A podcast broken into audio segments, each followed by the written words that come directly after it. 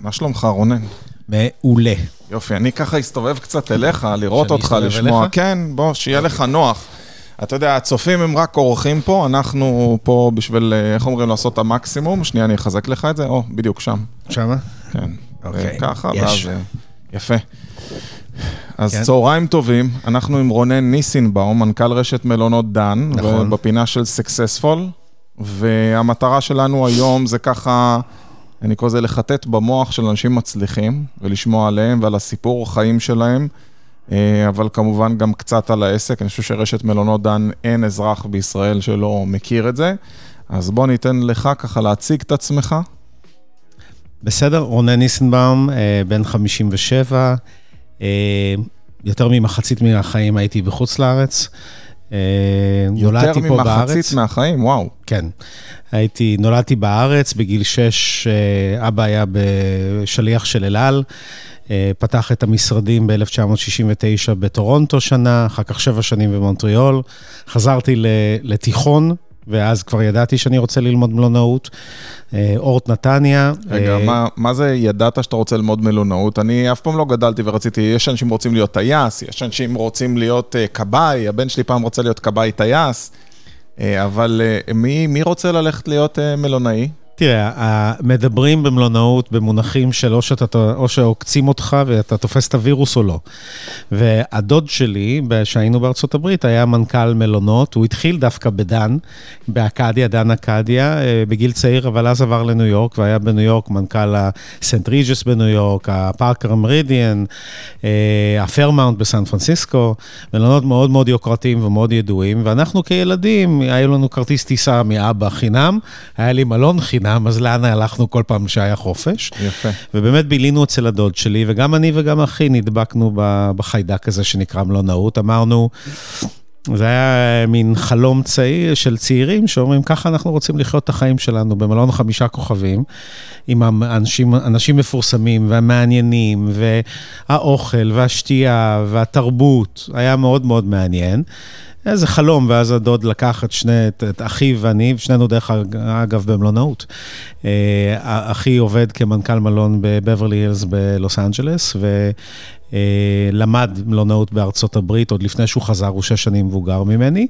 ואני חזרתי ארצה, ובגיל 14 אמרתי, זה מה ש... אני רוצה להיות כמו דוד שלי. וואו. אה, אז למדתי טבחות ומלצרות ו... וקבלה, ועבדתי בארבע עונות בנתניה זאת ובפארק אומרת, נתניה. לא הנחתת מלמעלה, אלא התחלת מלמעלה. אתה אומר טבחות וקבלה ומלצרות, ואתה לומד, איך אומרים, ממזון ומשקאות והקבלה, ו... וככה מטפסים כלפי מעלה. לא נכון, ש... נכון, עשיתי תפקיד של קונסייר, של, של מרס, אה, מרכזנית, או מרכזן. כמה אה, זמן זה? כאילו זה אה, לסמן וי, זה שבוע סטאז' או שאתה עובד? לא, לא, לא. אה, בתקופת הבית ספר, התיכון, זה שנה, שאתה אוקיי. בעצם לומד ועובד באותו זמן בתוך שנה. אז נגיד שזה ארבעה, חמישה חודשים יותר אינטנסיביים. כשסיימתי את, ה, את התיכון, אז כמובן שירות צבאי, הייתי בחיל אוויר, הייתי מפקד מגדל, פקח טיסה, אה, ואבא נשלח שוב פעם לשוויץ, ואז הייתי צריך להחליט מה אני עושה.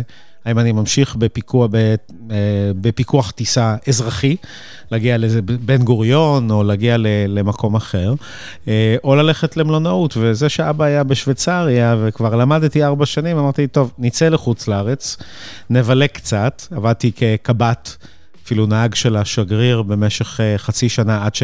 עד שהתקבלתי לבית ספר בשוויץ.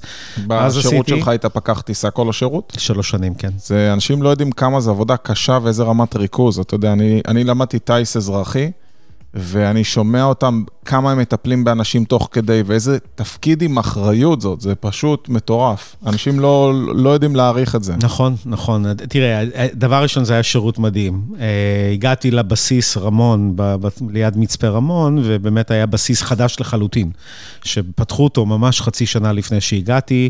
זה כל הבסיסים שפונו מסיני, והעבירו לעובדה ולרמון את שני הבסיסים המ- האמריקאים בנו אותם.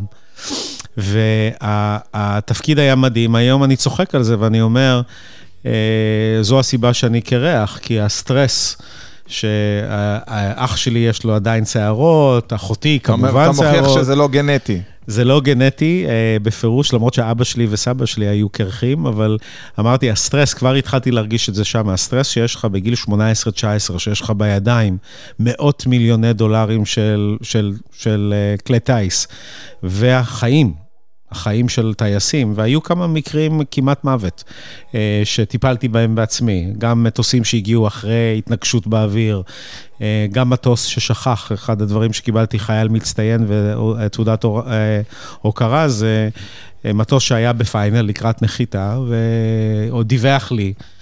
זה היה קורס אחרי קורס טיס, שבעצם מגיעים לשם ואתה עולה, אתה טס יחד עם, בסקייוק אז, טס יחד עם מדריך. ואז משפצים אותך. אתה הולך ל-F-16, ל-F-15, אז היו עוד פנטומים, ומחליטים לאן אתה הולך, לתובלה, להליקופטרים, אז באמת משפצים אותך לכל מקום.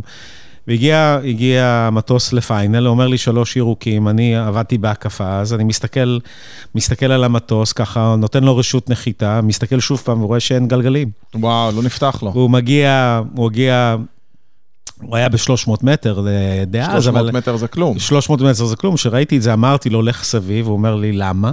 Hmm. אני לא עניתי, אמרתי, לך סביב. אנשים לא יודעים, אני אתרגם להם, לך סביב, זה אומר, תעשה עוד הקפה, כי משהו לא בסדר. נכון. לך סביב שוב פעם, ואז הוא פתח מצרת, עלה, אה, ושואל אותי, מה קרה? אמרתי, אין לך גלגלים. שקט.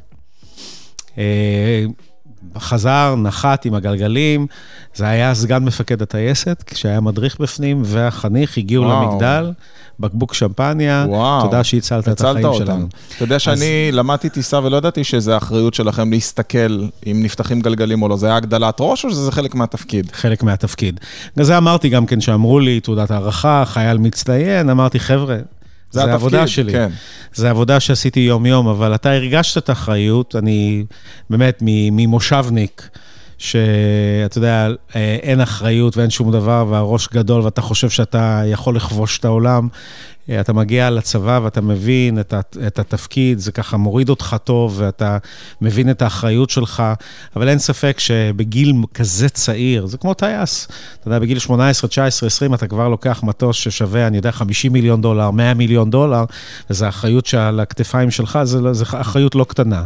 לגמרי. ואין ספק שזה די הכין אותי לחיים.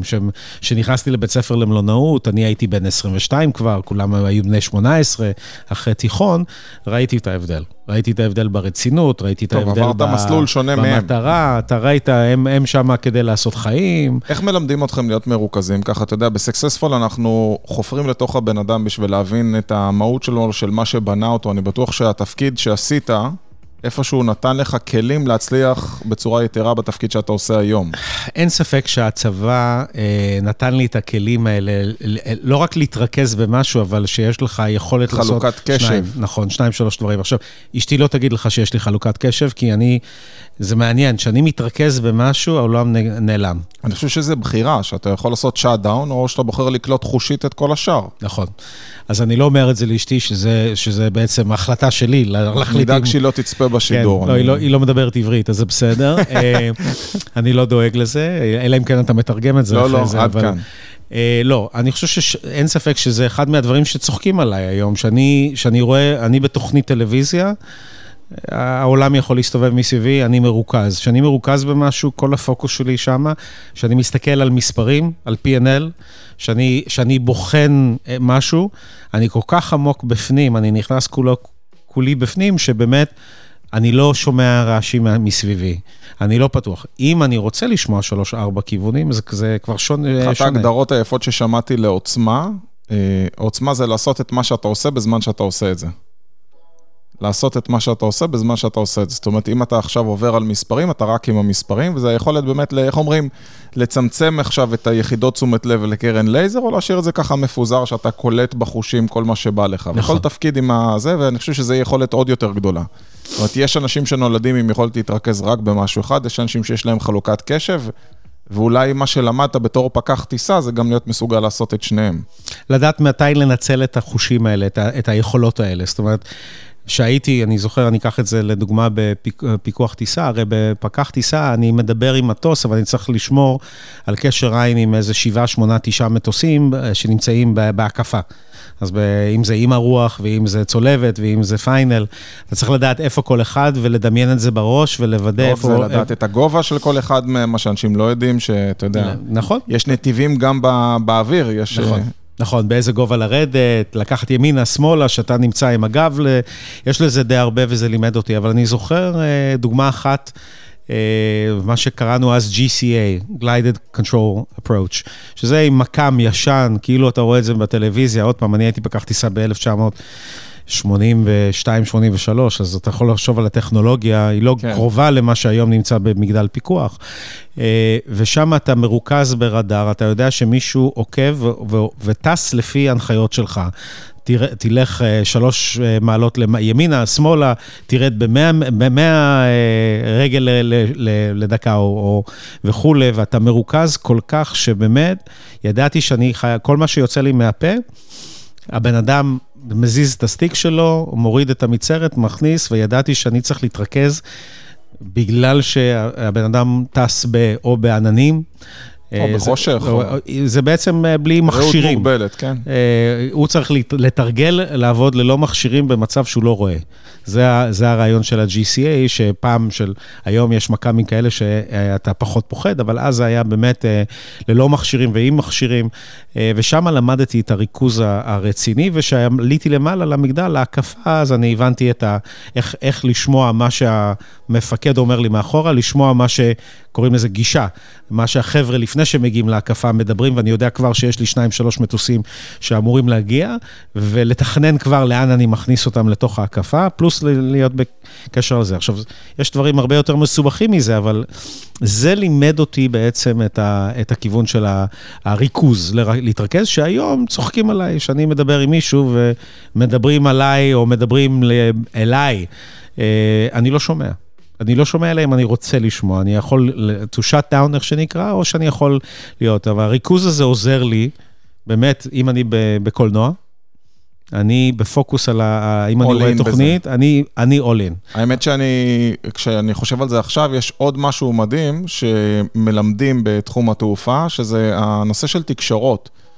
לעשות, לעשות את הרידבק, לחזור בחזרה להוראה שקיבלת ולתת uh, acknowledgement, בעצם כל פעם לוודא שקיבלת, שאתה סוגר תקשורת, אם לא, אז אומרים האם קיבלת, זאת אומרת, וזה אתה רואה היום בארגונים, או בכלל, לא יודע בני כמה הילדים שלך, אני, יש לי חמישה, אה, יש לך שלושה, נכון? בני כמה הם? 25, 22 ו-19. יפה, אז הם כבר גדולים, אני לא יודע, אבל כשאתה מבקש מהם משהו, אומר להם משהו, אם הם מחזירים לך אפילו thumbs up כזה, אומרים לך קיבלתי או לא קיבלתי, כי זה המינימום בתקשורת, והרבה פעמים אתה רואה בארגונים, אתה שולח לבן אדם אימייל, הוא אפילו לא מגיב לך, ואז אתה פונה אליו שוב, אתה אומר, מה קורה עם זה? הוא אומר, עשיתי, שלחת לי. אומר, אבל למה אתה לא אומר שקיבלת? למה אתה לא אומר שעשית? בארגון צריכה להיות בדיוק תקשורת פנים-ארגונית, כמו שיש במגדל פיקוח ובמטוס, זה אותו דבר. נכון, נכון. הדבר היחידי שהייתי אומר באימיילים זה... אה, אני מוריד את זה קצת, כי הכמות האימיילים שאנחנו מקבלים, זה קצת שונה בוואטסאפ, או שונה בטקסטים, שאתה עובד על זה, זה, זה יחסית קל. כמות האימיילים שאני צריך לקרוא ביום, בין 100 ל-200 אימיילים מה, מהצד העסקי שלי, ואני מקבל 50-100 אימיילים בצד הפרטי שלי. אה, דברים שאני מקבל מחשבונות בנק וכל מיני דברים שמגיעים אה, אליי בפרטי. אז תחשוב על זה ש-300 אימיילים בממוצע ביום שאני צריך, רק לפתוח אותם זה כבר לוקח קצת זמן. נכון. לפתוח, לקרוא, להחליט, מטפל, לא מטפל וכולי. אז אני... בכל הארגונים זה ממש מחלה, הסיפור של האימיילים. אתה וה... יודע מה מחלה ארגונית שאין ב... ב... אין בטייס לצורך העניין, זה כל ה-CC ו-BCC, שכולם מכתבים את כולם וכולם עושים כסת"חים, ואומר, הנה, כיתבתי אותך, ואחד מדבר עם השני, אבל הוא מכתב גם אותך, שאחר כך לא תגיד שלא ידעו אותך, שהיה תהליך כזה או אחר. נכון.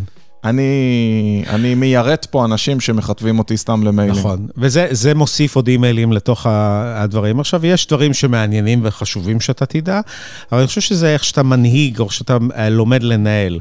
אתה בהתחלה אומר לאנשים, תקשורת, הגעתי לפני שלוש שנים, אמרתי, חבר'ה, אני שולח לכם אימייל, הציפייה שלי שזה נעשה. אם זה לא נעשה, אם אתם לא עושים את זה, תת, ת, תחזרו בחזרה אליי, למה זה לא נעשה, למה אתם לא יכולים לעשות את זה. אתה עובד על זה פעם, פעמיים, אתה רואה שבן אדם עושה את זה, ואתה לא צריך לעשות פולו-אפ.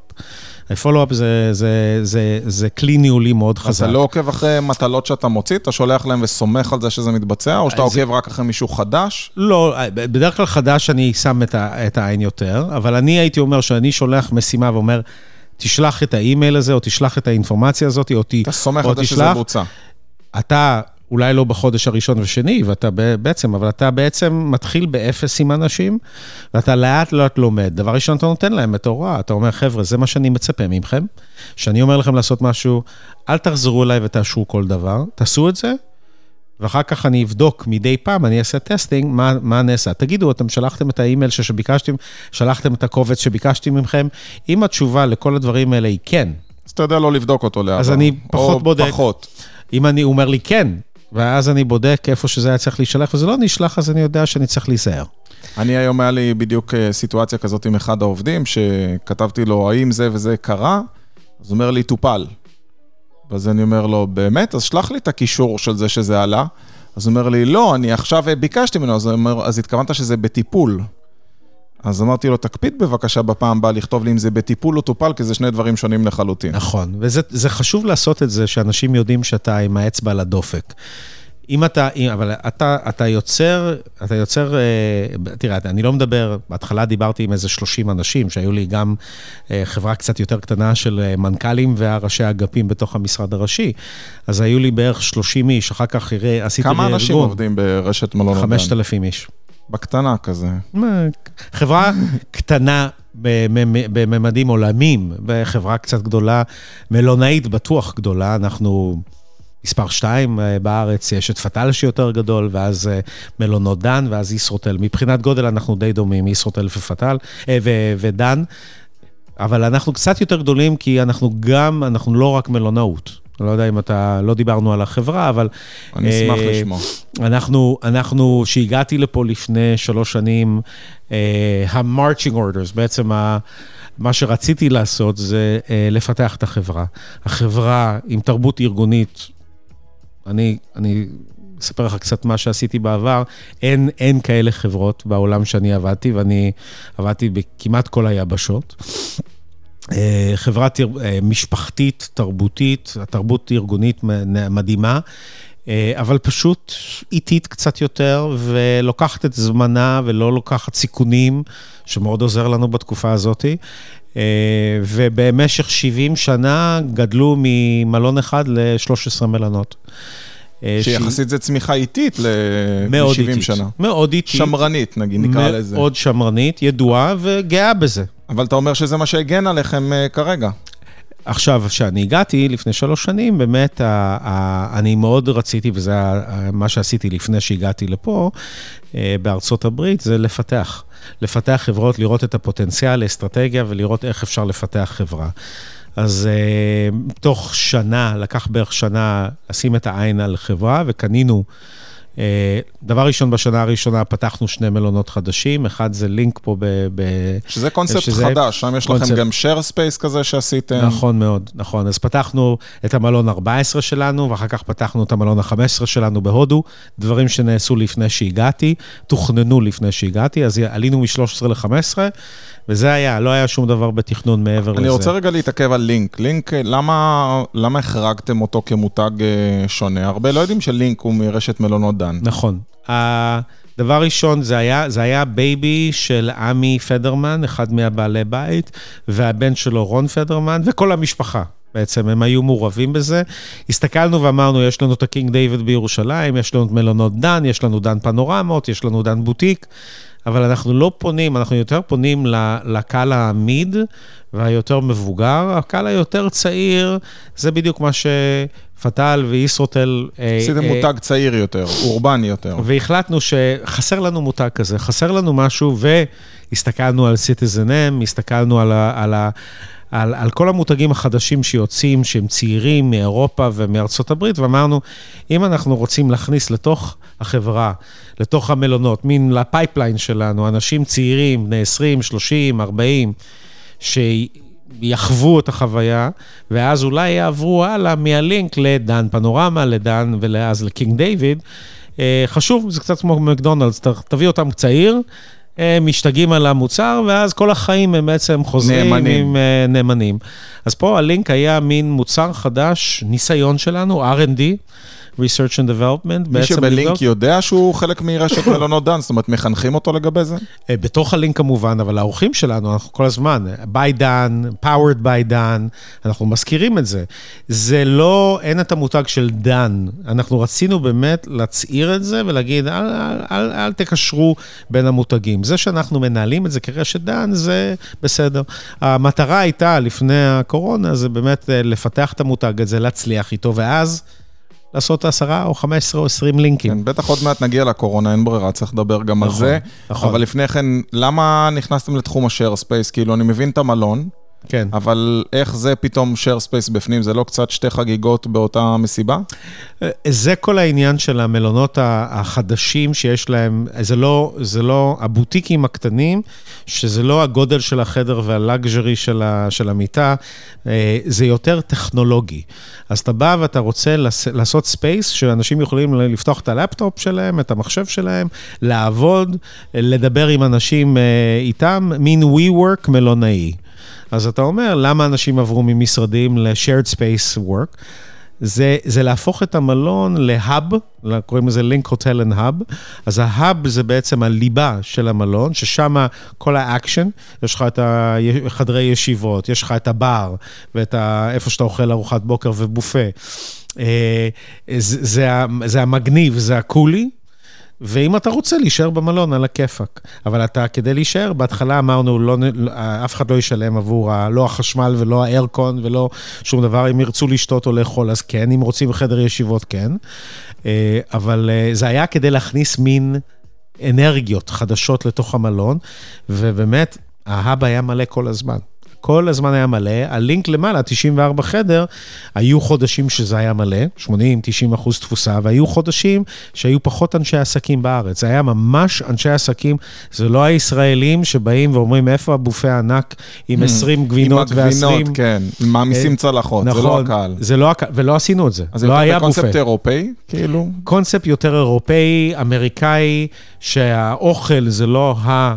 מקום שאתה עושה את הפוקוס, זה האווירה. אתה יודע שאנשים, מי שלא נמצא הרבה בחו"ל, לנו יש סניפים בחו"ל ואני, יצא לי לטייל שנים רבות, אנשים לא מבינים ששם זה חלק מתחבורה, כאילו יש לך מלון, אתה מטייל בין ערים, אתה טס מדינה-מדינה, אתה נשאר לישון.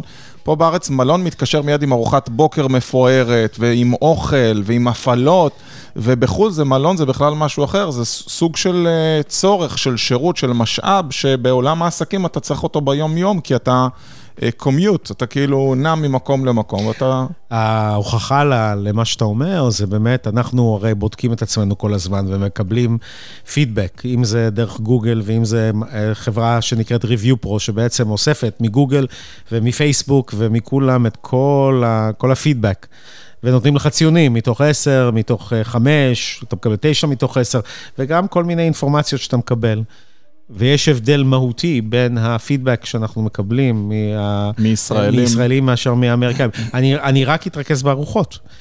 כשמדובר על ארוחת בוקר, כל מי שלא ישראלי נותן לנו 10 מתוך 10. ברור, בשבילם זה וואו, אבל ישראלי נותן ציון נמוך. 7 אה, מתוך 10, 8 מתוך 10.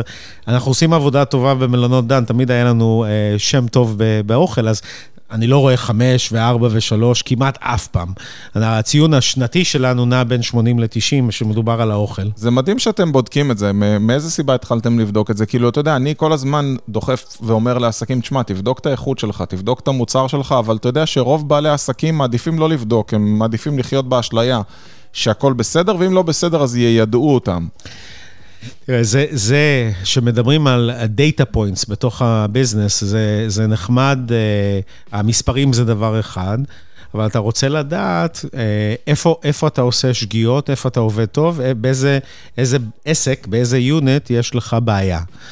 אז אתה בעצם משתמש בזה כסוג של אק"ג ארגוני, שאתה פתאום, אם יש איזה ספייק, אתה יודע להגיד, אוקיי, כדאי לבדוק את זה, כי תראו, אתה מאוד קשוב בעצם לציבור, לקהל, ולפי זה אתה בודק את הארגון שלך? נכון. תראה, זה לא, אני לא מסתכל על זה ואומר, זה התורה. אה, יש לי data point שזה review פה, יש לי data point שעוד חברה שאנחנו משתמשים, Howazit, שזה הכל ב-SMSים.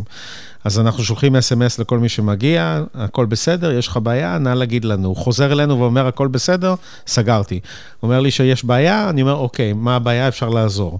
אז אני, כל, אני בודק את האורח לפני שהוא מגיע למלון ושואל אותו, מה אתה אוהב, מה אתה לא אוהב. זה pre-arrival. אני בודק אותו שהוא נמצא במלון, ו-review pro, זה באמת לשאול, לשאול אותו איך היה השהות שלך. ואתה מצליב את כל האינפורמציה הזאת, אתה מקבל משהו שעם עם הרבה סטטיסטיקה, אחד, שתיים, אני לא מסתכל. תמיד יהיה, ותמיד היה, ובכל חברה שעבדתי, גם חמישה כוכבים דלוקס וכולי, תמיד יהיו אנשים שהתלוננו, אפילו בחברה הכי טובה ובמלון הכי טוב בעולם. יש את המתלוננים הסדרתיים שיחפשו אותך כי יש להם אג'נדה אחרת. וזה... יש גם כאלה שהם טרולים, שהם שתולים בכוונה. אה, וזה אחוז אחד, או שני אחוז, או שלוש אחוז מהאוכלוסייה. אז אתה מוריד את הקצוות. אני מוריד את זה, תראה, אם יש הרבה כאלה, אז אני מבין שיש בעיה. ואתה לוקח את ה... תראה, אנחנו מקבלים 30, 40, 50, 60 אלף חוות דעת. וואו, באיזה קש... תקופה? אז, בתקופה של שנה. אה, בתקופה של שנה אנחנו מקבלים, וזה מ-review פה, ואז אני לוקח את זה ואני מקבל עשרת אלפים מהוואזט, ואני לוקח את כל הדאטה פוינטס, וזה אומר לי איזה מנכ"ל ממנכ"ל יותר טוב. בחלק מה... אני לוקח את זה גם כדי לעבודה, יש לכם לפעמים... תגמולים על בסיס אה, יש, ציונים? יש, אני נותן תגמול. אתה קושר את זה? אני קושר את זה. יש תגמולים לגבי, ה... שהיו תגמולים, כן? היום בקורונה כמעט שאין תגמולים. היום שורדים. אה, אבל יש תגמולים שקשורים לרווחיות של המלון. יש תגמולים שקשורים לשביעות רצון של האורחים. אני הנהגתי גם כן אה, עכשיו שביעות רצון של העובדים. הכנסתי את זה לפני שנתיים בפעם הראשונה, ואנחנו בעצם שואלים את העובדים שלנו מה אתם חושבים על ההנהלה. על איך אנחנו נראים, האם אתם הייתם אה, אה, מייעצים לחברים ומשפחה לעבוד, לעבוד אצלנו, כל הדברים הנורמליים איך ש... איך אתם עושים סקר כזה? אה, טלפוני. אנחנו עושים הכל. ממש טלפוני? הכל. זאת אומרת, טלפוני בכתיבה. אה, ב-SMS. ב-SMS. אמרנו, זה הדרך היחידה שלנו להגיע לכל העובדים, כי לכולם. 98, 99 אחוז יש טלפון, לא כולם נוח להם במחשב, הכי קל להגיע אליהם, ולעשות את זה בצורה מאוד קלה, קלילה. מה אחוז הענות? שנה, השנה הראשונה שעשינו את זה, זה הגיע ל-80 אחוז מהעובדים שלנו. וואו. שנה שנייה הגענו ל-82-83 אחוז, וזה השנתיים הראשונות. השנה עצרנו, בשנה השלישית שאני פה עצרנו, כי גם לשאול אנשים שבחל"ת, אה, אה, כיף לך וטוב לך ונחמד לך. כן, זה טיפה לא לעניין. אה, אני לא חושב שזה נכון, אבל בשנתיים שהגענו, אנחנו השתמשנו עוד פעם ככלי עבודה, מה אנחנו עושים טוב, מה לא עושים. מתקשרים, לא מתקשרים, אה, מתגל... מתגמלים או לא מתגמלים בצורה נכונה. האם המלון הזה אומר לך שעשית עבודה טובה או לא טובה? האם המנכ"ל מתקשר איתך? האם ההנהלה, הבוס שלך מתקשר איתך? האם יש, קיבלת אינדקשן, אה, שהגעת למלון, האם עשו לך... היכרות כזאת. היכרות של ה... וזה בדיקה, ואתה אומר לעצמך, במלון מסוים אתה מקבל ציון יותר נמוך, אז הפוקוס שלך ולשנה הבאה... איך המנהלים מקבלים את המשובים האלה? זה נראה להם משהו מעצבן ומטריד, או שהם אומרים, וואלה, אני באמת מבין, כי אתה בטח משקף להם את זה מול... מול מלונות אחרים או מול מנכ"לים אחרים. אתה הרי רוצה בסופו של דבר, כל אחד רוצה להשתפר, ככה אני מאמין. נכון, נכון, ואתה יודע, מנכ"לים כמו מנכ"לי חברות או סניפים, אה, זה סוג מסוים של אנשים. זה A-טייפ, אה, מאוד תחרותיים. אז אתה שם טבלה של, אה, עוד פעם, התחלתי, אמרתי שהיינו 13, עלינו ל-15 מלונות, קניתי שלוש מלונות, אז אנחנו 18, וחתמתי על שני הסכמי אה, ניהול. אנחנו היום 20 מלונות שהיינו לפני שלוש שנים 13. וואו. אז הצלחנו לגדול יפה, גם בחברת בת שלנו, של עידית טיב ותאים, שהיא חברת הסעדה, השנייה בגודלה בארץ. חברת הסעדה. הסעדה, כן. הסעדה. אה, גדלנו... אה, גדלנו בערך מ-100 מיליון שקל ל-300 מיליון שקל תוך שנתיים, אז זה באמת אה, פי שלוש, אה, והצלחנו להגדיל את כל המרכבים של החברה. יש לנו גם את הטרקלינים שלנו, הטרקליני VIP בשדה תעופה, אנחנו בשותפות שם עם עוד חברה. הטרקלינים האלה, רציתי לשאול אותך. זה משהו שהוא יותר ל-PR, לפרסטיג' וזה מקדם מכירות, או שזה גם מוקד הכנסה? כי זה לא נראה משהו שהוא... יודע, בנפח שלו, שהוא יכול להיות כזה רווחי, ואני מכיר שיש ארגונים, תמיד סקרן אותי, זה סתם אה, פרט רכילותי. אה, האם זה, אתה עושה את זה כמשהו שהוא מקדם את הרשת בפרסטיג' או כמשהו שהוא באמת גורם הכנסה? אה, זה תלוי. אה, אם זה החברה, אני מכיר את זה מארצות הברית, שדלתא או יונייטד, יש להם את הטרקלינים שלהם. נכון. אבל הם חברות אם... תעופה, אתה מלון. נכון. אז חברות תעופה שעושות את זה, זה עלות לא קטנה, mm. עלות של competition. אתה חייב להיות בתוך התחרות הזאת, כי זה מה שהצפי מהאורחים שלך. בחלק, במקומות אחרים בעולם, שזה בעצם מנוהל על ידי מישהו אחר, לא על ידי חברת התעופה, אבל על ידי חברה אחרת. יש חברות שמתמחות בזה בעולם ועושות את התקלידים הזה בכל העולם, ויש בארץ, אני, זה, אני לא, לא יצרתי את זה, זה, ירשתי את זה. ואני, פעם ראשונה אני נכנס לעסק הזה, וזה נורא תלוי אם זה רווחי או לא רווחי. אתה משלם זיכיון לא קטן לרשות שדות תעופה. אז זה תלוי במחזור שלך, תלוי בכמות אנשים שנכנסים. אם נכנס בריטיש איירווייז ויונייטד איירליינס ודלתא ויש לך כמות רצינית, הם, החברות תעופה משלמות לך, ואתה משלם חלק לא קטן כזיכיון. מה שנותר לך, זה, מזה אתה משלם את האוכל ואת השכר דירה. את הכוח אדם. את הכוח אדם, את, ה, את הכל, מ, מ, את, ה, את כל מה שקשור בזה, ומה שנותר זה הרווח. אז הייתי אומר בשנים טובות, אה, זה, זה רווח לא קטן. עוד פעם, זה לא, הייתי קורא לזה, מלון. החמשת הטרקלינים ביחד, באמת? זה יכול להיות בהכנסה של מלון וברווח וואו, של מלון. וואו. כן, אבל מלון יכול להרוויח מיליון שקל בשנה, ומלון יכול להרוויח 20 מיליון שקל, תלוי בגודל שלו. אבל זה, מבחינתי, אני מסתכל על זה כיחידה שזה כמו מלון שיכול להרוויח... נראה לי שמלון אה, כהחזר השקעה ביחס לעלות שלו, אם כן לקחתם את זה תפעולי, זה לא כלכלי להחזיק מלון שמרוויח רק מיליון. אה, תלוי מה, אה, איזה מלון. אם אתה קונה את המלון... אם זה 20 חדרים, כן, אבל אם, אם לקחת מלון, אם היית צריך להשקיע שיפוץ והקמה ו... תראה, אם, אם, אם מלון היה, אם הייתי קונה מלון בעשרה מיליון שקל והוא עושה מיליון שקל בשנה, זה בסדר. רווחי, כן. אפילו אם הייתי קונה מלון ב-20 מיליון שקל ואני מקבל מיליון שקל, 5 אחוז החזר, זה עדיין הרבה נכון, יותר טוב. אבל רק שמלון אה, לא עולה לא 10 ולא 20. לא, אבל יש מלונות שאתה כן יכול אה, לקנות ב-100 מיליון. 100 מיליון שקל. ופה אתה שואל את עצמך, ב-100 מיליון שקל, 100 מיליון זה בערך 100 אה, חדרים. מיליון שקל לחדר זה מעלות הקרקע, עלות בנייה, אתה לוקח את זה. עכשיו, זה יכול להיות חצי מיליון שקל, אם זה מלון אה, מוטל כזה, וזה יכול להיות שני מיליון שקל, אם זה מלון חמישה כוכבים. אבל הממוצע, rule of thumb, זה מיליון שקל לחדר יש בארץ. יש איזה נוסחת אצבע להחזר השקעה, שאתה אומר, אוקיי, אם המלון, אני מתכנן את ההחזר השקעה לפי עשר שנים כשבונים מלון, לפי... הרבה יותר מסובך, אבל, אבל למה? כי היום מלונות, אתה בונה אותם גם עם... אה, עם אה, דירות. ואתה בעצם מוכר את הדירות, ואז אתה מחזיר לעצמך... זה מממן cash flow. נכון, אז יש לך מלונות כאלה. תראה, מלונות בדרך כלל זה לא עניין של החזר של 3, 4, 5 שנים. ברור. מלונות, אתה מדבר על הכי... אה, אתה לא, אתה לא מחזיר את הכסף לפחות ל-15 שנה. אתה מדבר על החזר של, החזר של, הייתי אומר, 7, 8, 9, 10 אחוז שנתי. אז אתה מגיע ל-10, 12, 13 שנה החזר, אבל יש לך, מה שאתה לא לוקח בחשבון... עלות שיפוץ שאתה צריך לרענן את המקום. עלות שיפוץ, אתה צריך להשקיע, כל 7-8 שנים אתה צריך להחליף את השטיחים. אה, טכנולוגית, הטלוויזיה שקנית שהייתה כזאתי, לא עכשיו היא כן. כזאתי. אתה צריך להשקיע בווי-פיי, כל הזמן לשדרג את הווי-פיי, כי יש הדרישה... יש בלאי TV. יש בלאי TV. חדר כושר.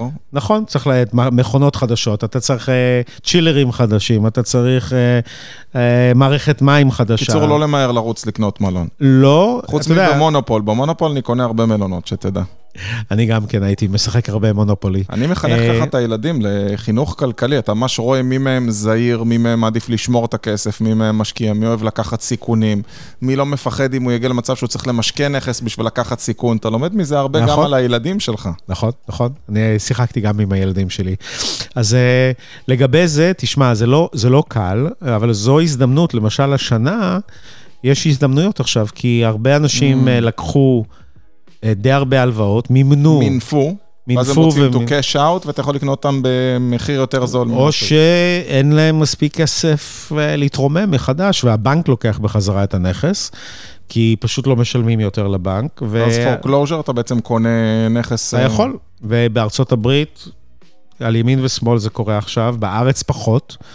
אה, אני אמרתי לפני כן שאנחנו מאוד קונסרבטיבי ומאוד, לכן המינוף שלנו היה כמעט אפסי, לעומת הגודל של החברה. אבל בטח יש עכשיו פיתוי, שאתה פתאום רואה מלון כזה ומלון כזה. נכון, ו... תראה, אה, בגלל שהממשלה באמת באה לעזרת רוב העסקים היותר קטנים, דווקא המלונות, החברות הגדולות לא קיבלו הרבה עזרה, אה, לא קיבלו אותו כמות עזרה. דווקא זה תחום שהוא אחד התחומים שנפגע הכי הרבה. הכי הרבה. תעופה ותיירות לדעתי הכי הרבה בארץ. תדע לך שאני חייב להגיד לך, חבל שלא אמרתי את זה בשידור או באחד השיעורים, אני עושה שיעור יומי בוואטסאפ שאני שולח ללקוחות.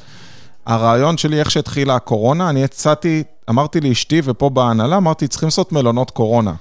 אמרתי את זה ממש על ההתחלה, ולקח איזה שלושה חודשים. עכשיו, אתה יודע מה הייתה ההתנגדות? וזה הייתי רוצה לשאול אותך. אשתי אומרת לי, מי ירצה ללכת למלון שעד לא מזמן שכן חולה קורונה? כאילו זה מחתים את המלון. אז איך התגובות שאתה חושב היום אנשים יגיבו לזה שזה ידוע שזה היה מלון קורונה ועכשיו יזרחו אותו בחזרה? תראה, עוד לא עברנו את השלב הזה עדיין. אנחנו עדיין, אם אני זוכר נכון, האירוע התחיל מרץ. בפברואר, בפברואר שמענו על הקורונה, ובמרץ נכנסנו לסגר. ב-15 במרץ נקראתי לקריה. ושלושת החברות הגדולות היו שם בקריה יחד עם משרד הביטחון, והם ביקשו מאיתנו בעצם להירתם למשימה הלאומית ולעזור להם לפנות מיטות בבתי חולים מאנשים שהם לא חולים, הם אסימפטומטיים, להוציא אותם מבתי חולים ולשכן אותם בינתיים אה, במלוניות. ושלושתנו היינו שם, שלושת המנכ"לים של החברות, אה, ומתשע בערב עד שתיים בלילה, יצאנו בשתיים בלילה ואמרו לי שזכינו, זכינו. אחרים הסתכלו עליי ואמרת, זכית, נראה, אה, אתה יודע, יש הרבה פרגון. אה, אז זכ... כמו בכל עולם העסקים. וזכינו בזה בהתחלה, ובאמת צחקו עלינו קצת, וואטסאפים, קבוצת וואטסאפים של שיווק, ואיזה משוגעים הם לעשות את הדבר הזה, וזה בא ממקום של... דבר ראשון, המלונות סגורים, ולא ידענו לאיזה תקופה המלונות יהיו סגורים. ידענו שכל מלון כזה שנפתח יעסיק לפחות 100 אנשים, שזה 100 משפחות שעדיין אתה נותן להם עבודה. לא ידענו הרבה, אבל אמרנו שזה הדבר הנכון לעשות, ומכירים את משפחת פדרמן שהם הבעלי בית. אה, זה בדיוק מלח הארץ, שכל דבר להירתם למשימה, למשימה לאומית, אתה יכול לסמוך עליהם. והם תוך שנייה נתנו לי גב, ואמרו לי, לך על זה. אה, ובאמת נתנו גם מחירים שאנחנו חשבנו, זה break even, לא, לא, לא, לא לעשות כסף מזה. ידענו שאם נעשה מכסף, מזה כסף, כולם יבואו ויחזרו ויגידו, אה, בשביל זה הם עשו את זה, כן. בדיוק. אז אמרנו, בוא נעשה את זה רק שזה יכסה לנו את ההוצאות. באמת נכנסנו. לשאלה שלך, אה, איך זה נראה, המלונות האלה מאמצע מרץ, דן פנורמה תל אביב, דן ירושלים ודן פנורמה ירושלים, ממרץ, שניים מהם לא הפסיקו. הם עדיין נמצאים, ופנורמה ירושלים in and out. סוגרים, פותחים, סוגרים, פותחים. עכשיו פתחו את זה לפני כמה ימים בשביל הטסים בחזרה מאנגליה. ועוד לא עברנו את הקו הזה של איך אנשים מרגישים כלפי המלון הזה אחרי. מה שאני אגיד לך, שבתשעה חודשים, מרץ עד דצמבר, אף אחד מהעובדים שלנו לא נדבק. מדהים.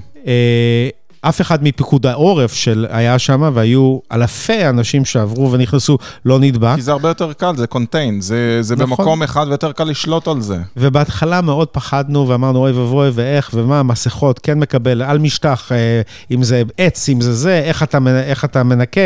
אתה, מישהו אמר בארצות הברית, אתה יכול להזריק לעצמך אקונומיקה, כל מיני שטויות ששמעת בחדשות, אה, ו, ולא ידעו.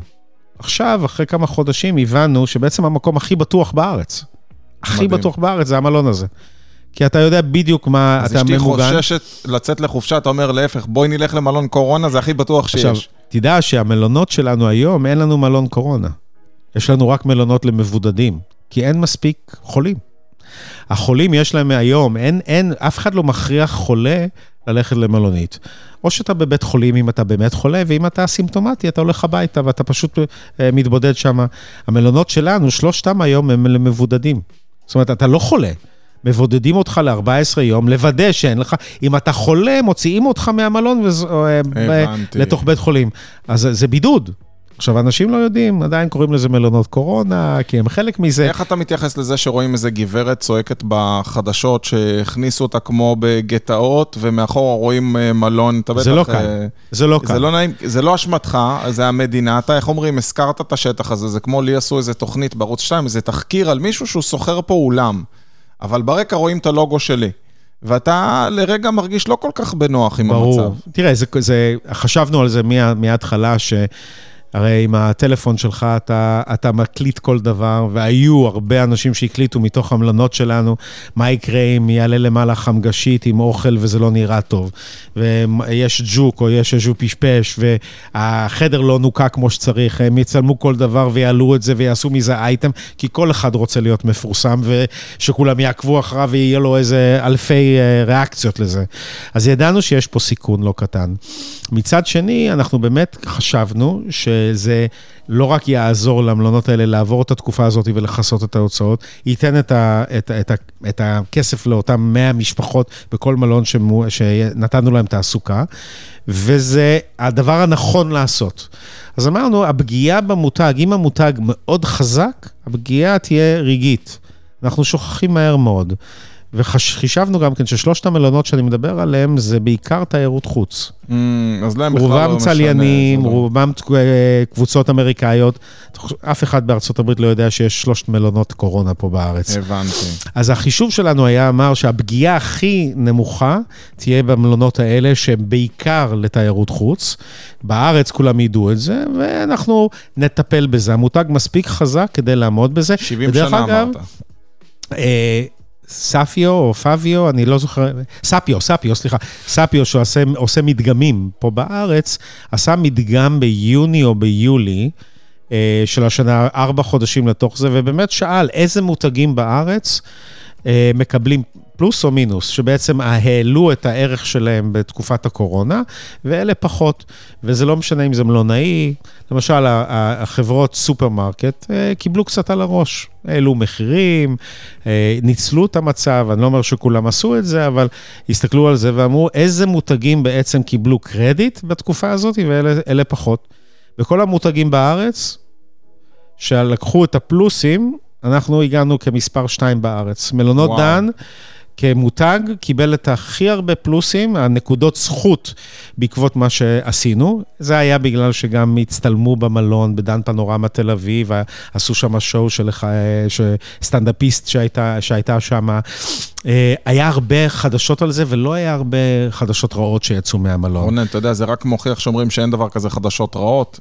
נכון. אם פרסמו והזכירו את השם שלך, זה בסוף, בן אדם לא זוכר, אתה יודע, כי נכון. ב- בסט שלנו, בסט החלופות, אנחנו זוכרים את הדבר האחרון, אבל אתה לא זוכר, זה יושב הרבה הרבה על אזכורים של דברים אחרים. אתה צודק לחלוטין, ועוד אה, אני אסיים את, ה, את המחשבה ש, שעשו את הפלוסים, היינו מספר 2, והבנקים למשל, בגלל שאם כן נתנו משכנתאות או לא נתנו משכנ, משכנתאות, למשוך את זה הלאה, קיבלו ככה כמה מכות, ושלקחו את הפלוסים והמינוסים, כי היו זכות, אה, נקודות זכות ונקודות נגד, על מה שעשית בזמן הקורונה.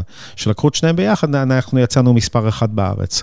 מבחינת המותג שבעצם ייצר איזשהו value, ו- ותחושת שהתח... שאתה מתחבר עם העם, כי הם ידעו שאנחנו, וכל הזמן יצאנו ואמרנו, שמעו, אנחנו לא יודעים, זה יכול לפגוע בנו, לא יודעים, אבל זה חשוב למדינה, זה מאיפה חשוב לבתי האומץ חולים. לקבל כזאת החלטה כשאתה צריך לקבל? זו החלטה מאוד מכרעת. אנשים לא, לא מבינים כמה, כמה משקל יש בלקבל כזאת החלטה. איך כן. קיבלת אותה? תראה, מה, מה עשית בשביל לאסוף נתונים לקבל כזאת החלטה?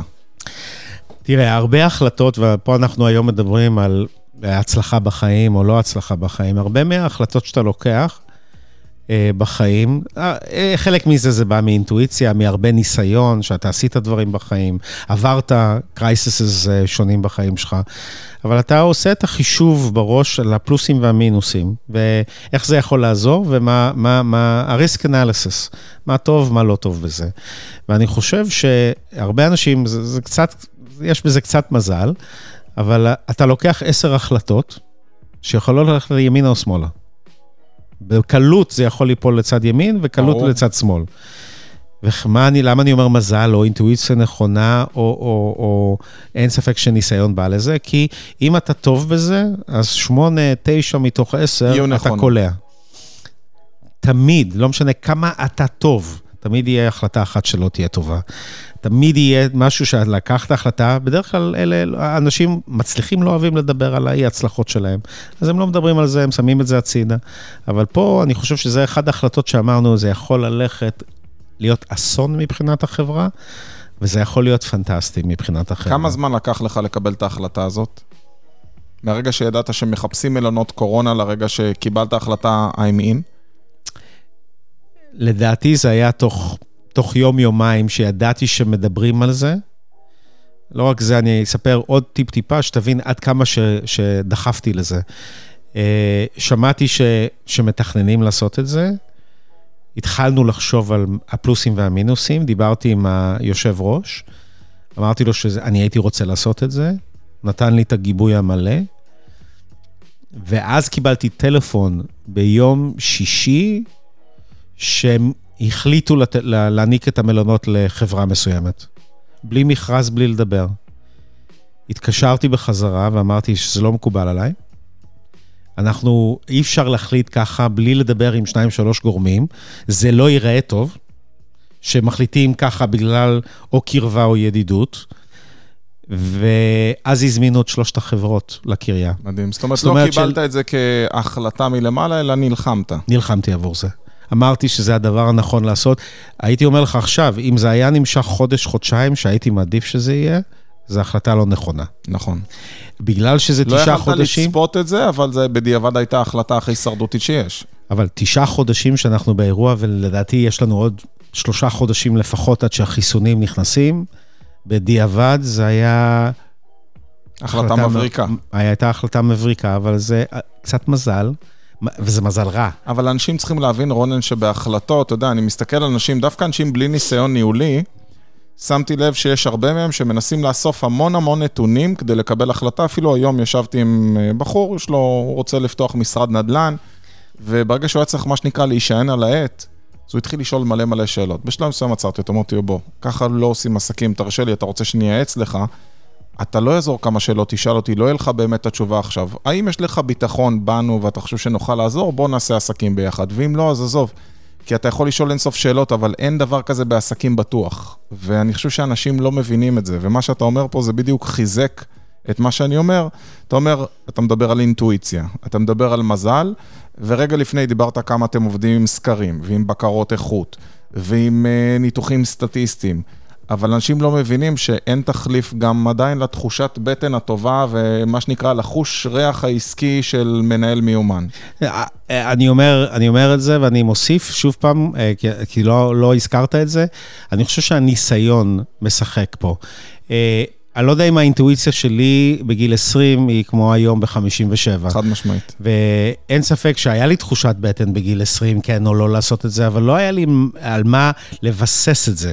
אינטואיציה אומרת לך, תלך על זה, ואז אתה מתחיל לחשוב, אוקיי, מה היה קורה, ומה ההשלכות של זה, ומה הפלוסים ומה מי... זה הכל בא מדברים שכבר עשית, ולמדת, או שאתה, או שחווית, או שקראת. כל הדברים האלה אתה אוסף ביחד בתיבת כלים שלך, ואתה אומר, אוקיי, פה מרגיש טוב, אבל בוא, בוא נחשוב. כן, לא, למה, מדוע, אתה לוקח את זה וזה, ואתה אומר, אוקיי, זה ריסקי, זה יכול ללכת לפה לפה, אני יכול לנתב כמה שיותר לכיוון שאני רוצה, אבל זה לא הכל בידיים שלי. אני לא יודע מה יקרה מבחינת הדבר הזה, אני לא שולט באנשים שנמצאים במלון, אני יכול לעבוד על האוכל שיהיה הכי טוב בעולם, ועדיין יהיה לי איזה מטומטם ש... אה, שארז את, ה, את המאכל עם ג'וק בפנים ולא שם לב, ואני מקבל על כל הרשת את הבלגן הזה. אז זה המון עבודה לוודא שזה לא קורה, אבל עדיין זה לא הכל בשליטה שלך. אתה רק יכול להגיד מה הפלוס ומה המינוס, מה אתה חושב יהיה בצד הפוזיטיבי, מה יכול להיות בצד הנגטיבי, ולהגיד האם שווה לקחת את הסיכון יחד עם אנשים אחרים. לקחנו את ההחלטה להתקדם, לא עשיתי את זה לבד, קיבלתי גיבוי מלא מהמועצת מנהלים. אה, קיבלתי גיבוי מלא מהעובדים, מהמנהלים שלי, שגם הם מאוד חששו. היה, היה עוד משהו בתוך ההחלטה הזאת, שזה לא מובן מאליו. באנו לעובדים שלנו, היו לנו מעל 300 עובדים בדן פנורמה תל אביב, שאלנו, מי רוצה לעבוד? וואו. מי רוצה לעבוד? תחשוב על זה. אומרת, יש כאלה שבכלל מפחדים, אומרים, עזוב, אני בחוץ. אני לא ידעתי מי, מי יסכים לעבוד. אני, אשתי... יכול להיות שכל המטבח כן, ועובדי המשקאות לא, אתה בבעיה. אשתי אמרה לי, תגיד לי, אתה מבקר במלונות האלה? היא פחדה עליי. פחדה שמשהו יקרה לי.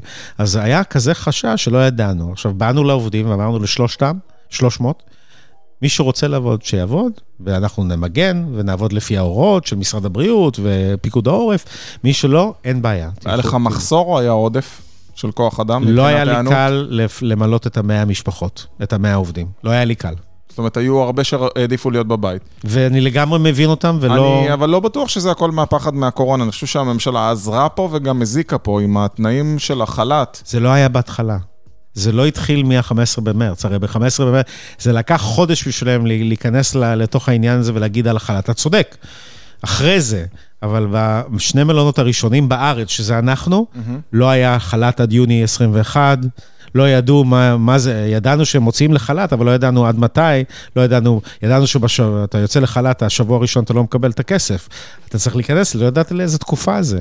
ואנשים פשוט לא ידעו, והיו לי כמה כוכבים וכוכביות. שפשוט נרתמו למשימה, נהנו. מדהים, ונכנסו לזה. נכנסו לזה, ובעצם אמרו, אני משקיע בזה, אני נותן, אני מסכן את עצמי. זה היה הרבה יותר קל עם צעירים, אה, שגרים לבד. שלא לא מפחדים על ה... אתה מסכן את המשפחה, הרי אתה במלון במשך היום ואתה נוסע הביתה. אז חשיש, חישבנו את כל הכיוונים. אנשים שהתחילו, ואז אמרו, אתה יודע מה, עדיף לא. אני מעדיף שלא. אנשים שלא התחילו... הסביבה יכול להיות uh, לחיצה. הסביבה, חברים ומשפחה שאומרים, תגיד לי, אתה משוגע? מה אתה עושה? אז לא אני, אני מוקיר ומודה לאנשים האלה שעובדים בדן ירושלים, בדן פנורמה, הם פשוט כוכבים. תומכי לחימה. הם כוכבים, הם כוכבים ומגיע להם ויגיע להם וניתן להם את מה, שר... מה שהם... אה, הייתי רוצה לשאול אותך כמה שאלות ככה אישיות לקראת סיום. איך נראה סדר יום שלך? אה, אתה מאלה שמגיעים למשרד בתשע או מאלה שמגיעים בשש? אני מאלה שקם בשש, מגיע למשרד בין שבע לשמונה, תלוי אם אני מצליח להכניס את עצמי לאיזשהו, אה, קצת אה, להתאמן או לא. מה אתה עושה בספורט? מה אתה מתאמן? הליכה? בעיקר הליכה. הליכה, אני פעם קצת משקולות, אבל אני פחות. אבל uh, זה תלוי בזמן. אם, אם אני לחוץ, אז אין לי זמן, אני מעדיף להיות את השעה הנוספת הזאת במשרד. אם אני פחות לחוץ, אז אני מנסה למצוא לעתיד זמן לעשות הליכה. אני גר ממש על הים, אז אני עושה הליכה uh, על הטיילת. Uh, אבל לא, בדרך כלל לא מגיע uh, אחרי שמונה, ואני בדרך כלל האחרון שיוצא מהבניין בשמונה בערב. שזה... אני נועל, נועל את הבניין. זה, אתה יודע, היום אני לא יודע איך זה קרה, אבל... באים אליי מלא חבר'ה צעירים ומנסים להבין איך עושים קוויק ווינס ואיך עושים כסף מהיר ואיך אתה... אה, הכנסה פסיבית, כל מיני משפטים כאלה שהמציאו אותם אנשי מכירות ממולחים, ואתה אה, לא צריך לעבוד פה הרבה, ואתה יודע, בוא תראה איך אתה מרוויח את הכסף שלך מהר, ותקים עסק ומיד תמכור אותו. והנה, אתה מדבר שאתה כמה שנים כבר בתחום הזה? 30, כמעט 40 שנה. כמעט 40 שנה. בא, אתה אומר, בין 7 ל-8, זאת אומרת, אין מצב להגיע ב-9-10, ואתה אומר, אני יוצא אחרון, וזה בסדר גמור. זאת אומרת, אתה עדיין עושה את מה שאתה אוהב, וזה לא בגלל שאתה מנהל לא טוב, אלא בגלל שככה אתה פשוט מנהל. אני אומר לאנשים, ועוד פעם, אה, אני לא מסתכל על מישהו שהוא 9 to 5, 9 עד 5, והוא אומר שהוא לא טוב. יש אנשים שהתפוקה שלהם ב-9 ל-5 היא יותר טובה ממישהו שעובד 12 שעות. אז אם אתה מרוכז, דיברנו על הריכוז, ואתה עושה, והתפוקה שלך בתשע שעות היא פנטסטית, אין בעיה. אבל מישהו שהוא עובד תשע שעות, ואז הוא אומר לי, לא הספקתי, לא הצלחתי להגיע ליעד, אני לא מקבל את זה. זה לא מקובל עליי. אני פעם אה, הגיע אליי מישהו לפגישה, והוא רואה שהמשרד ריק, והשעה הייתה שש בערב. הוא אומר לי, מה זה, אתה פה והעובדים שלך לא פה? אז אמרתי לו, כנראה שאני עוד לא עשיר כמוהם. אתה יודע, זה, זה גישה מסוימת של אנשים. אני יכול להגיד לך, יש לי עובדים, ודרך אגב, זה לא מפתיע שאלה העובדים שהתקדמו הכי מהר בעסק לתפקידי ניהול, של אנשים שבאמת נשארים יותר שעות ובאים מוקדם והולכים מאוחר, אבל לעומת זאת, אתה יודע, העובדים, אה, יש לי פה עובד אחר שהוא אמור ללכת בחמש, ברבע לחמש הוא כבר, אני רואה אותו תמיד עומד, מסדר את הדברים. לא, הוא כבר מתחיל לסדר את העמדה בשביל ללכת, הורס את התיק, זה, כדי לא לבזבז כמה שחס דקות. וחלילה בחמש לא להיות פה. זה עניין זה- של גישה. תראה, זו גישה, ואני חושב שאתה צודק שהדור הצעיר, ויש לי ילדים בגיל הזה, הדור הצעיר באמת אה, מסתכל עליי ועלינו, אה, על, על דור קצת מוזר. שלמה אתה עובד כל כך קשה? ושאני באמת פותח בימי שישי ושבת את, ה, את המחשב שלי ועובד על זה. אני אומר, זה מוריד לי סטרס באמצע השבוע, אני לא רוצה להגיע לעבודה ביום ראשון, ושיש לי 200 אימיילים שלא פתחתי, ואולי משהו שהוא מאוד דחוף. אני אגיע לעבודה ב-8 בבוקר ביום ראשון, רגוע, אם אני יודע שאין שום דבר ש... שמחכה לי, שאני יודע שבעצם אה, קראתי את כל מה שאני צריך. אז זו החלטה שלי. אז, אז אני, לא, אני לא שופט אנשים שהם לא כמוני, אני אומר, כל עוד שאתה עושה את העבודה שלך, אני מקובל עליי. כל עוד שאתה, אתה, מה שאני מבקש ממך נעשה, מספיק לעשות, אז אה, אתה יודע מה, אני, אני לא הצלחתי כל החיים שלי לעבוד תשע שעות או שמונה שעות ולהספיק את כל מה שאני צריך לעשות. אבל זה גם אני- כי אתה לוקח על עצמך יותר. אתה, אתה, אתה יוצר עבודה גם כן, אתה יודע, אתה, אוקיי, מה עוד אני יכול לעשות ומה עוד אני יכול לשפר. יש משפט שאומר שאם אתה רוצה שמשהו יבוצע, תן את זה לבן אדם עסוק. נכון. שזה בדיוק ככה, אנחנו הרי תמיד, זה לא משנה, אני, כשהיה לי את העסק הראשון, אז עבדתי הרבה שעות, ואז אמרתי לאשתי, כשנגיע למחזור הזה והזה, אני אעבוד פחות. וכשהגעתי לזה, קניתי עוד עסק. ואז אמרתי, עכשיו אני חייב לעבוד קשה, זה עסק חדש, צריך לעשות, ואז בעסק השלישי כבר הבין, אמרתי, תקשיב, הבנתי שאתה איש עבודה וזה, רק בוא נקבע ימים מסוימים שאתה בא מוקדם, שתהיה עם הילדים גם קצת באור יום. נכון. זה עניין של אה, מינון שאתה מחליט נכון. לעצמך בסופו של נכון. דבר. אז כן, ה- ה- ה- ההגעה, בשבילי ההשקעה בעבודה, אה, זה חשוב לי ואני נהנה מזה, ושאנשים אומרים, אתה משוגע, אתה עובד הרבה, אתה עובד שעות, הם מקבלים ממני אימיילים ב-11-12 בלילה, אני לא מצפה שיענו לי. אבל אם אני ב-10-11 בלילה יושב במיטה ואני אה, לפני שינה, אני פותח, רואה, נכנס לי משהו, נכנס לי משהו שזקוק לתשובה, אני, אני עונה. ככה ב-7 בבוקר, 8 בבוקר, אני לא צריך לעשות את זה. אז אני בעצם כל, בשבעה ימים בשבוע, אני תמיד ככה זורם עם זה, ואני נהנה מזה. זה לא שזה, אני לא רואה את זה כמטלה. אני נהנה מהעבודה, אני נהנה מהעשייה, אני נהנה מזה שמבקשים את, את, ה, את, אה, את הדעה שלי ורוצים לדעת מה אני חושב בנושא הזה, זה תענוג. האמת שרואים את זה עליך שאתה מדבר, שאתה מאוד אוהב את מה שאתה עושה, וזה אני חושב אחד הדברים החשובים ביותר. פנה אליי איזה בחור אה, צעיר, חייל, שעוד שבעה חודשים משתחרר, הוא שאל אותי, באיזה עבודה עושים הכי הרבה כסף? אז כתבתי לו, בעבודה שהכי תאהב. נכון, נכון. כי תמצא משהו שאתה אוהב, ואתה באמת תוכל לצמוח בזה ולהרוויח מזה. קח משהו שאתה לא אוהב, אז בסדר, לא יודע, להיות במשאית זבל, אולי תרוויח הרבה, אבל אתה באמת רוצה לצמוח בתחום הזה, כאילו, אולי כן. זה נכון מאוד. יש לנו הרבה אנשים במלונאות שבעצם אה, למדו עריכת דין ולמדו משפטים ולמדו דברים אחרים, ואומרים, אני הייתי אומלל. הייתי אומלל במשרד. כי זה לא התאים להם, כי הם לא רצו להיות אה, יושבים על שולחן וכל היום עובדים מול מחשב, הם צריכים אנשים. אז אתה צריך לדעת מה, מה, מה מזיז אותך, מה מקים אותך, מה, מה בוער בך, מה עושה לך טוב. ואם אתה עושה את זה, אם אתה, אם אתה מתעסק בעבודה שאתה באמת נהנה ממנה, זה כבר לא עבודה. זה נהפך להיות יותר הובי, זה נהפך להיות חלק מהחיים שלך. אני לא יכול לחשוב על הרגע שאני לא אעשה את העבודה הזאת. אני אומר לעצמי, זה, זה מהות שלי, זה מי שאני, אני חלק מזה, אז זה יהיה קשה. אני חושב על פנסיה, כי אני מתקרב לגיל על זה, ואני אומר... לא נראה לי שאתה תצא לפנסיה בגיל פנסיה, נראה לי שאתה... כן, אבל אתה יודע, אני תמיד אהבתי ללמד, יש ואני לך אני תחביבים גם, רונן? יש, יש, יש, יש. אני... סקי, אני יודע. סקי מספר אחד על, על הרשימה שלי, מאז שהייתי בשוויץ, פעם ראשונה שעשיתי סקי בגיל 21-22 אחרי הצבא, והתאהבתי, ואני כל שנה, פק"ל, כל שנה אני יוצא לסקי. אני בעוד שבוע, אני אהיה בסקי בקולורדו אה, עם המשפחה, אז אנחנו יוצאים כל שנה, זה מספר אחד. אה, בוא נגיד ככה, בלי, שזה לא יישמע ככה קיצ'י, אבל התחביב שלי זה המשפחה שלי. אני מדבר, אה, מדבר, הם גרים באטלנטה, בג'ורג'ה, בארצות הברית, אה, שני ילדים באוניברסיטה וילד אחד שסיים בית ספר, אוניברסיטה, ואני מדבר איתם כמעט כל יום, עם הילדים ועם אשתי כל יום שלוש-ארבע פעמים. אז התחביב המרכזי שלי זה המשפחה. ואני אני מתכוון לזה לא כדי להרגיש יותר טוב עם עצמי, אבל אני שומע את הסיפורים, ואולי זה איזושהי נקודה של success. כי שואלים, אנחנו 27 שנה ביחד, ומה הייתי אומר, יחסים מאוד חזקים. ההשקעה בתוך המשפחה ולתוך היחסים, גם עם האישה ועם הילדים, אה, אם יש חמישה ילדים, או יש לך ילדים שאתה לא גר איתם, היא מאוד מאוד חשובה לבלנס להיות מאוד מאוד מוצלח בעבודה. ולמה אני מתכוון? הילדים שלי באים, ואני עם רגשי אשמה, אני בארץ, רגשי אשם.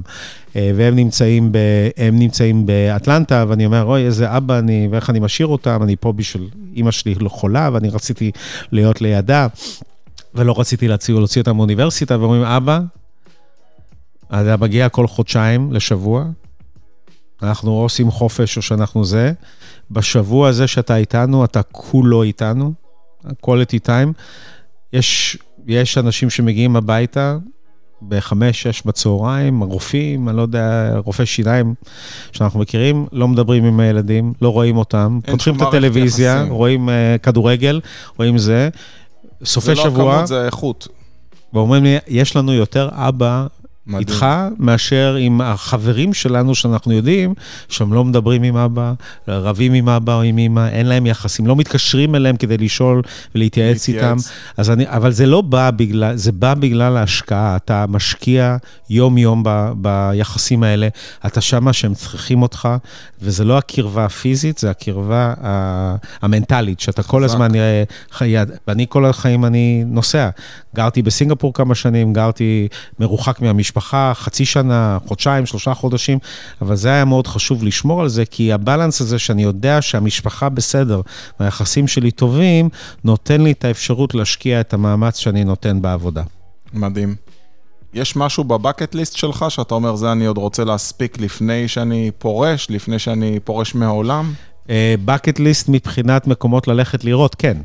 אה, מבחינתי, דיברת על סקי, משפחה, שזה התחביבים שלי, ונסיעות. אני אוהב, אני מת אה, לראות את העולם. זה מדהים שאתה בא מהתחום הזה ואתה עדיין אוהב נסיעות. אתה לא אומר, אה. אוף, נמאס לי מ... אני, הזמן הכי טוב שיש לי, באמת הכי שקט שיש לי, זה במטוס.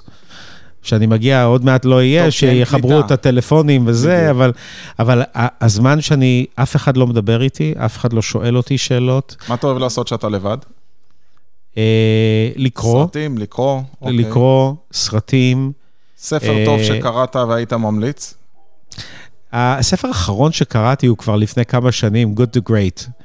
אה, אני מאוד אהבתי אותו, אני חשבתי שזה נכון ש, שבאמת אתה, אתה יכול לעשות עבודה הרבה יותר טובה, אל תסתפק בטוב, תסתפק בטוב יותר. מאוד אהבתי את הספר הזה, לפני המון שנים. אז אתה מתחבר ל-Delivering Happiness.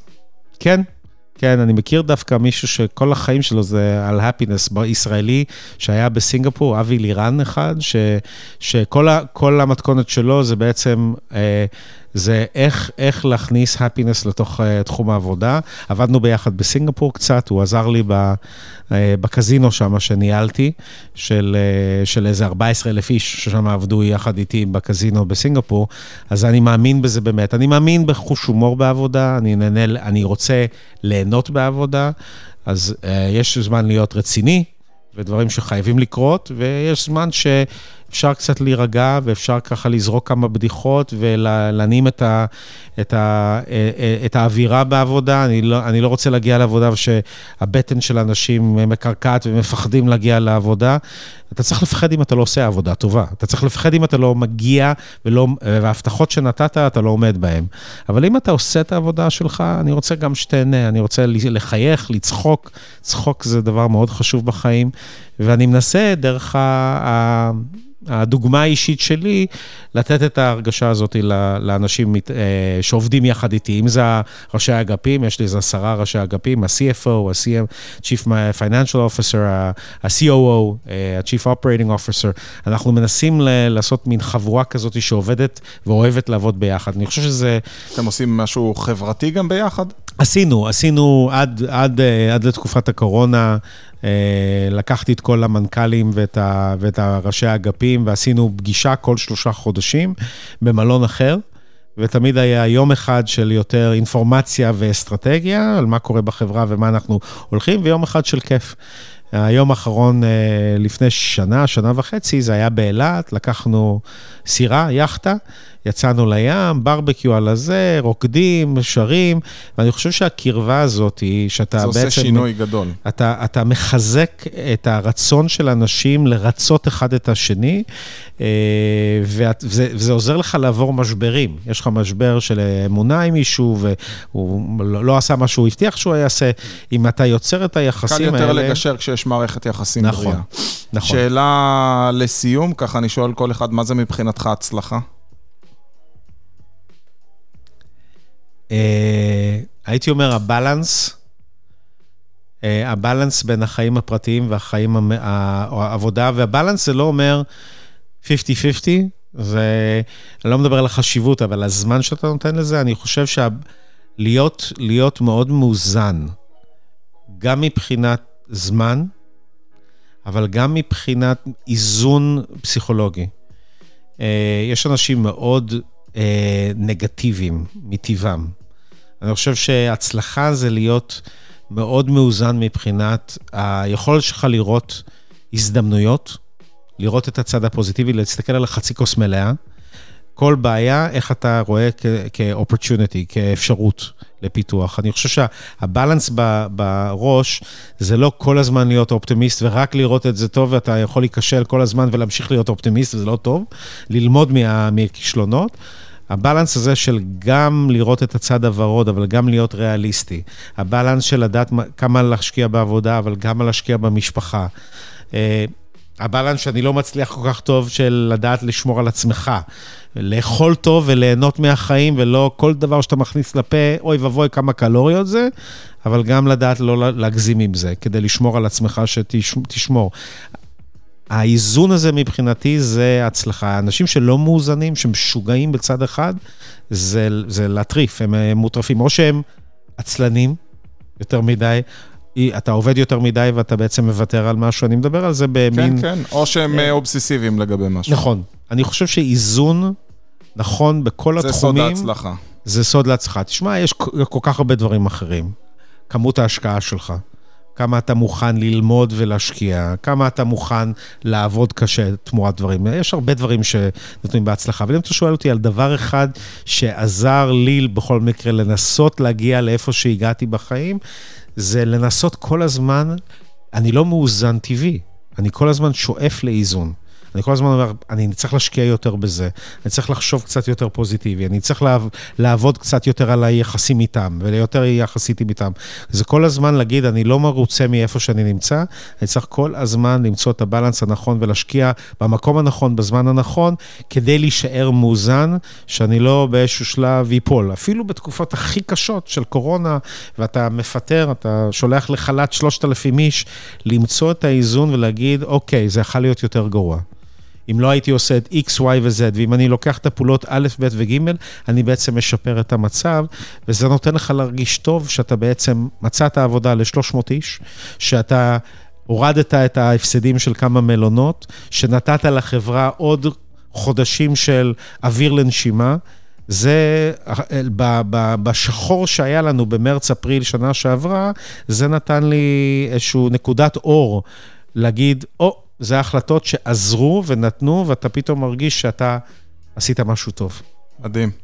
תשמע, אני יכול להגיד לך שעד היום עשיתי הרבה שידורים של Successful, זה definitely, יש סטטיסטיקה, זה השידור הארוך ביותר, ויש לזה סיבה. אני מאוד מאוד מודה לך, ואנחנו בטוח נשתמע גם בשידורים הבאים. תודה בשמחה. רבה. בבקשה.